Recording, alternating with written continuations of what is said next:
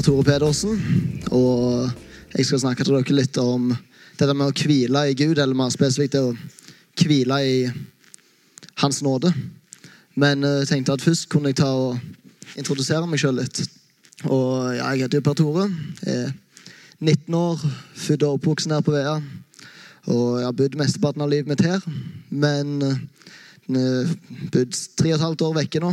For når jeg skulle begynne på videregående, da flytta jeg inn til Ølensvåg og begynte på en skole som heter Lundeneset. Og det var tre fantastiske år. Angrer ikke et sekund på det. Og ja, der fikk jeg utvikla meg mye, så både person og i alle fall kjennskap til Gud. Så det var Ja, det er en skole som virkelig endrer livet.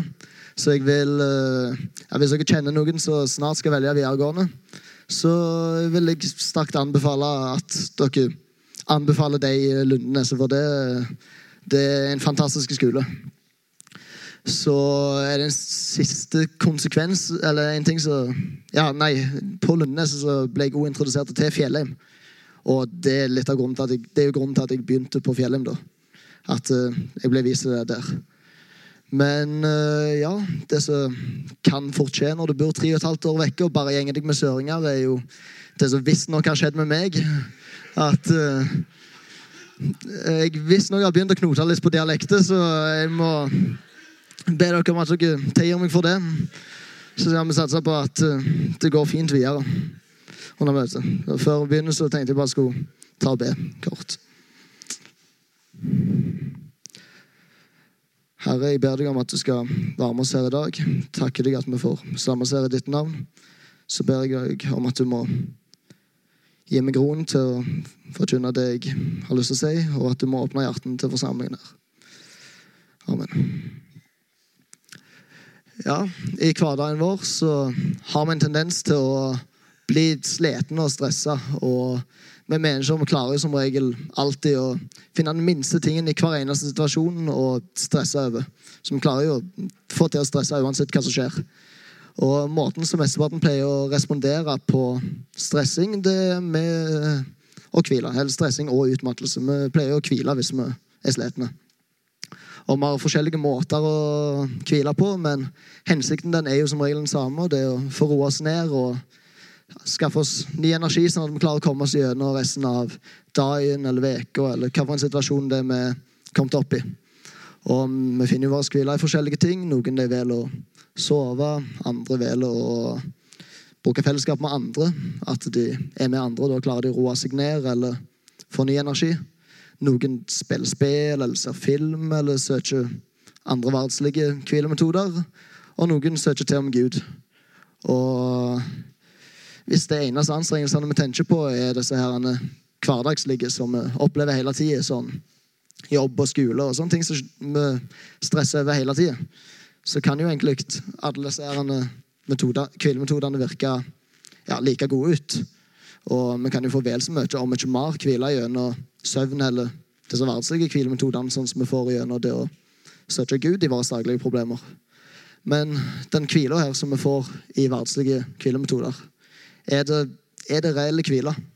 Er det noe som virkelig kan gi ro i sjela di? For i disse her midlertidige anstrengelsene som jeg nevnte, så kan jo egentlig alle disse hvilemetodene virke likestilt ut.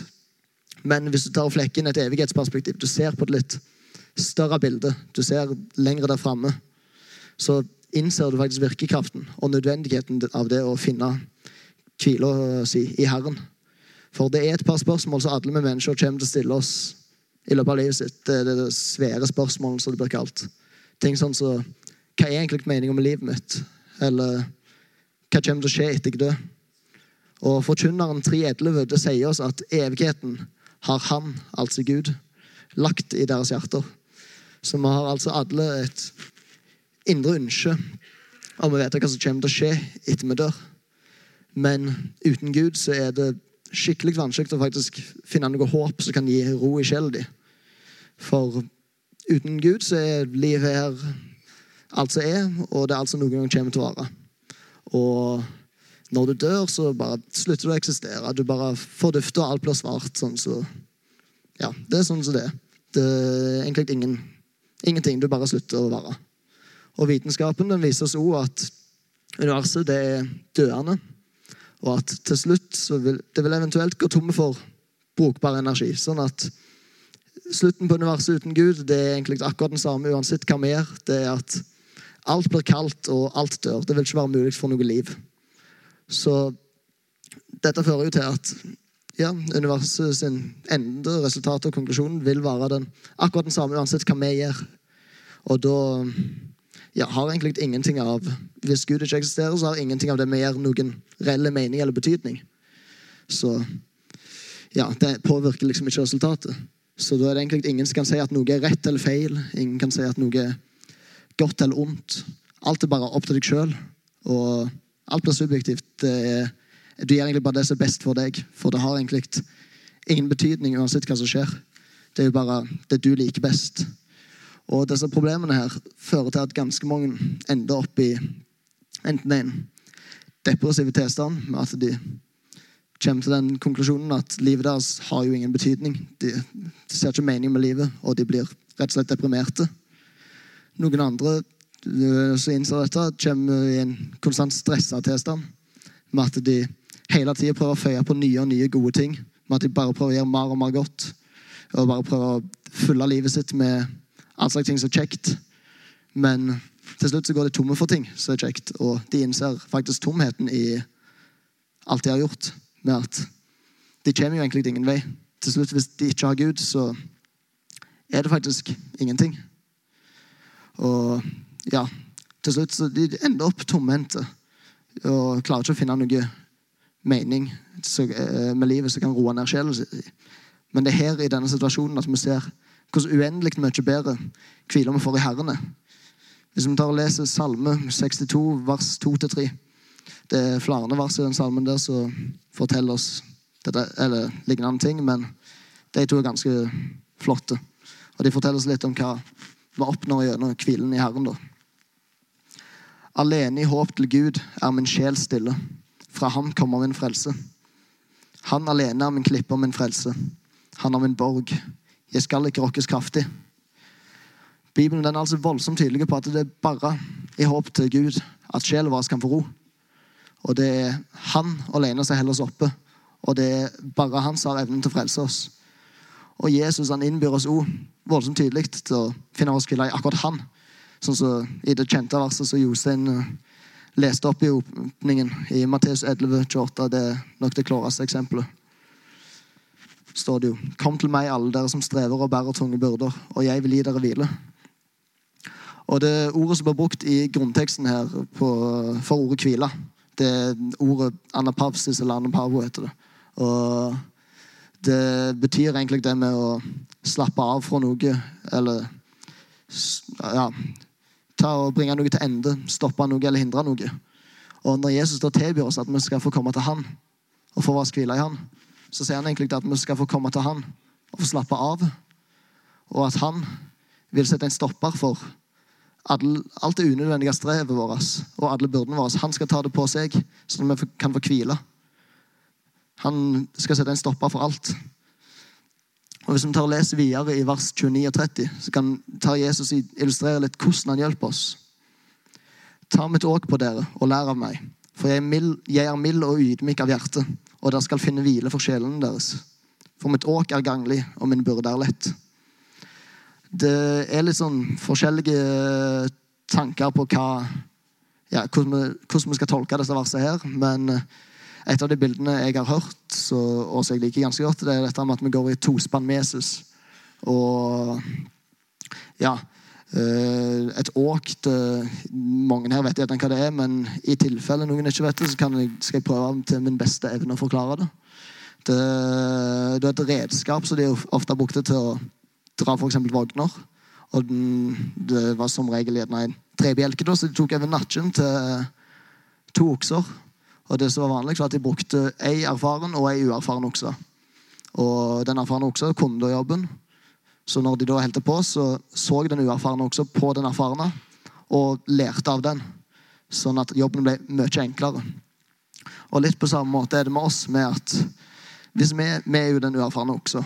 Og hvis vi da prøver å dra lasset helt alene og prøver å komme oss gjennom det uten Jesus, så kommer det til å bli altfor tungt, og vi kommer aldri til å klare det. Men hvis vi tar på oss Jesu åk, så er ganglig og lett, så vil han gi oss hvile. Og han vil gi oss den hjelpen som vi trenger. Det betyr ikke at det ikke er noe arbeid å gjøre, for vi har ennå på oss et åk. Men det er ikke det tunge åket som vi tidligere hadde på oss. Men det er blitt bytta ut med Jesu åk, så er et lett åk. Og han vil gi oss hvile, hvile. Og han vil gi oss den styrken som vi trenger til å klare oss. Og nå har jeg egentlig snakket ganske mye om det å hvile i Herren sånn generelt. Men eh, hvis vi tar og legger til, eller ser på hvile i nåden, så får vi et ekstra perspektiv på saken.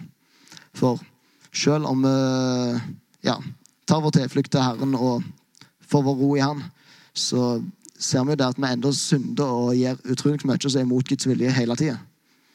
Og grunnet Gud sin hellige natur så vil vi da egentlig få meget svære problemer hvis vi ønsker å komme inn i Hans rike. Men Gud, han tok tak, og han har gjort det sånn at vi kan få nåde, altså ufortjent tilgivelse, gjennom at han tok uh, Han tok uh, det der Han, han sletta ut skyldbrevet som sto imot oss med bud, og han nagla det til korset. Og gjennom Jesu død så blir vi rettferdiggjort. Og det er ingen lette måte å fatte hvorfor i all verden Gud gitte sin ene sønn som soning for våre synder. Den eneste mulige forklaringen er at det var av kjærlighet. For Gud han har en sånn betingelsesløs kjærlighet til oss mennesker at han gitt sin, egen sånn, sin eneste sønn for oss. Imens vi enda var syndere. Imens vi enda gjorde imot Gud og gjorde ting stadig. Vi viser null tegn av å elske Han.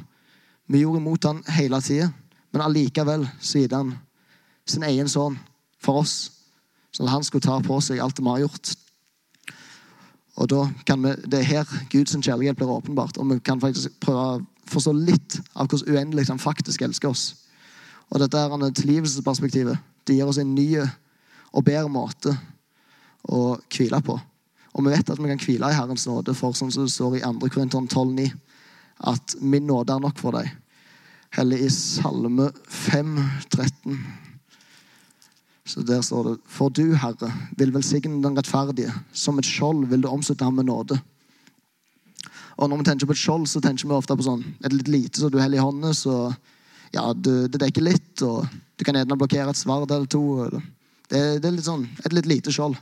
Men sånn som jeg har forstått det, det skjoldet som David eh, snakker om her, det er et skjold som dekker hele kroppen. Og når han eh, da skriver at som et skjold vil du omslutte ham med nåde, så betyr det at Gud han dekker hele deg med nåde. Han dekker alt du er, alt du har gjort, alt du gjør. Og hele deg det dekker han med nåde. Sånn at det er tilgivelse for alt. Og nåden gjennom Kristi blod, det er, det er nok for oss. Og et håp om et evig liv i himmelen sammen med Gud, det kan gi så ufattelig svære hvile. Men nådens hvile den fører også med seg en viss risiko. Og det er viktig å passe på at en ikke sovner i nåden.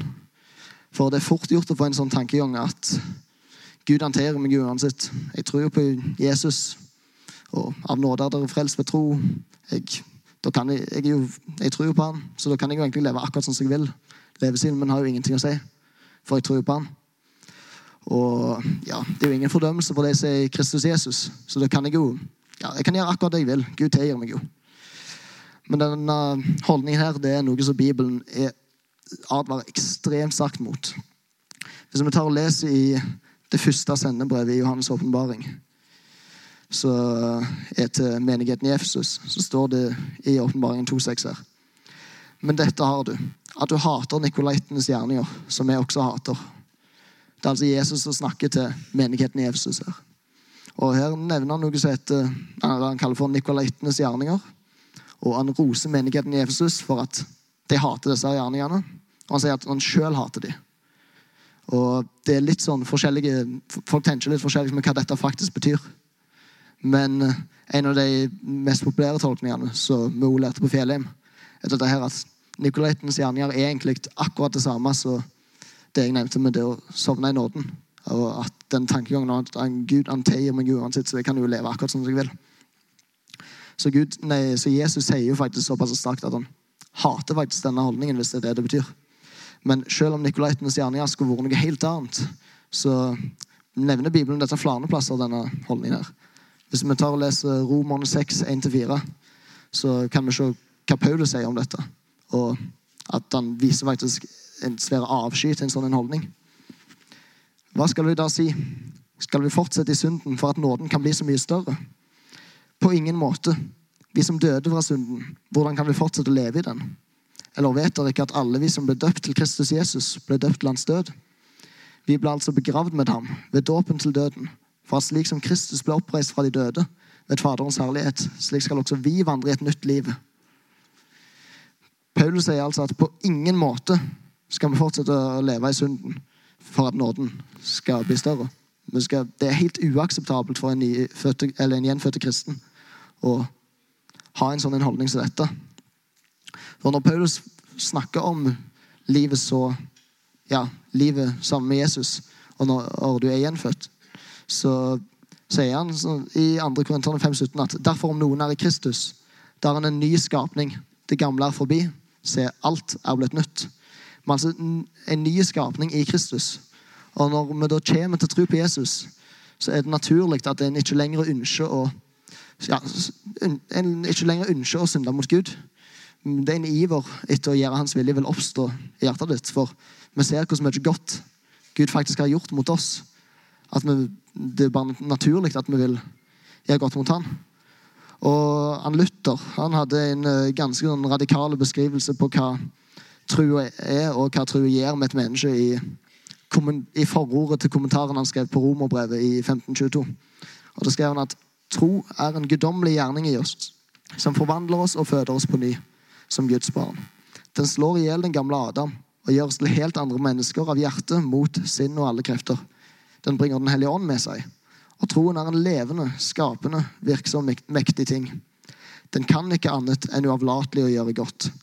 Den spør heller ikke om det finnes gode gjerninger å gjøre. Nei, før man får spurt, har den allerede gjort dem og er i stadig virksomhet. Men den som ikke gjør slike gjerninger, han er et menneske uten tro. Han famler omkring og ser seg om etter troen og gode gjerninger og vet verken hva tro eller gode gjerninger er.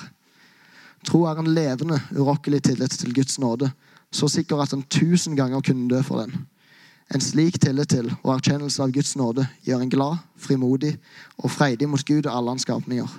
Det er det Den hellige ånd som gjør troen. Således er det umulig å skille gjerninger fra tro. Like umulig som å skille flamme og lys fra ild. Og Det kan jo virke så ut ifra disse her tekstene at hvis vi er kristne, så kommer vi aldri til å synde igjen med. Det virker som vi må leve perfekt liv hvis vi er kristne. Men fra erfaringer så vet vi jo klart og tydelig at jeg vet i alle fall det at jeg synder mot Gud i både tanker, ord og gjerninger. Hver eneste dag. Hele tida tar jeg og synder mot Gud. Og ja, utover dette så kan det være vanskelig å fatte hvordan kan jeg egentlig få hvile i dette. Når uh, jeg skal være en ny skapning i Kristus, men sier jeg så mye ondt. Hvordan kan jeg få ro i dette? her? Og så kan du plutselig begynne å tvile på er jeg faktisk kristen når det står om at jeg skal være, være sånn, men jeg føler ikke jeg er det.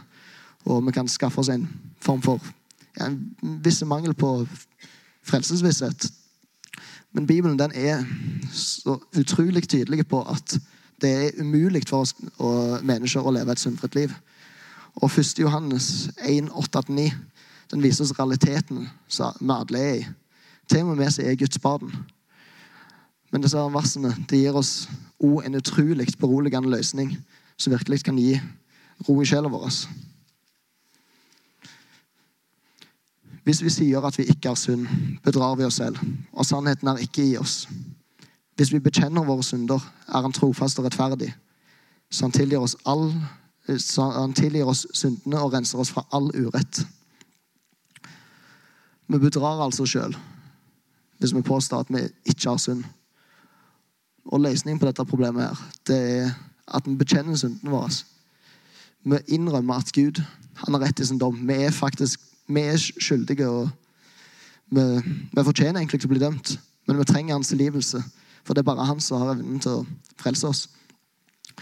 Og Gud han har lovt at at hvis vi gjør dette, så er han trufast og rettferdig. Og han kommer til å tilgi oss for all vår synd og all vår skyld. Og så en uh, avslutning så tenkte jeg at jeg skulle ta og lese sangen 'Takk at du tok mine byrder', så jeg skal være Vann Trygve Bjerkreim. Takk at du tok mine byrder, et høgfjell av skyld og av skam. Du bar det på skuldrene dine, det skyldløse soner for lam. Takk at du bar mine synder, betalte min skyhøye skyld, med blod fra ditt fullkomne hjerte, og ikke med sølv eller gull. Så vil ved korset jeg stande, med undring jeg ser, jeg er fri. Jeg skal ikke dø, jeg skal leve, med Jesus til evig tid.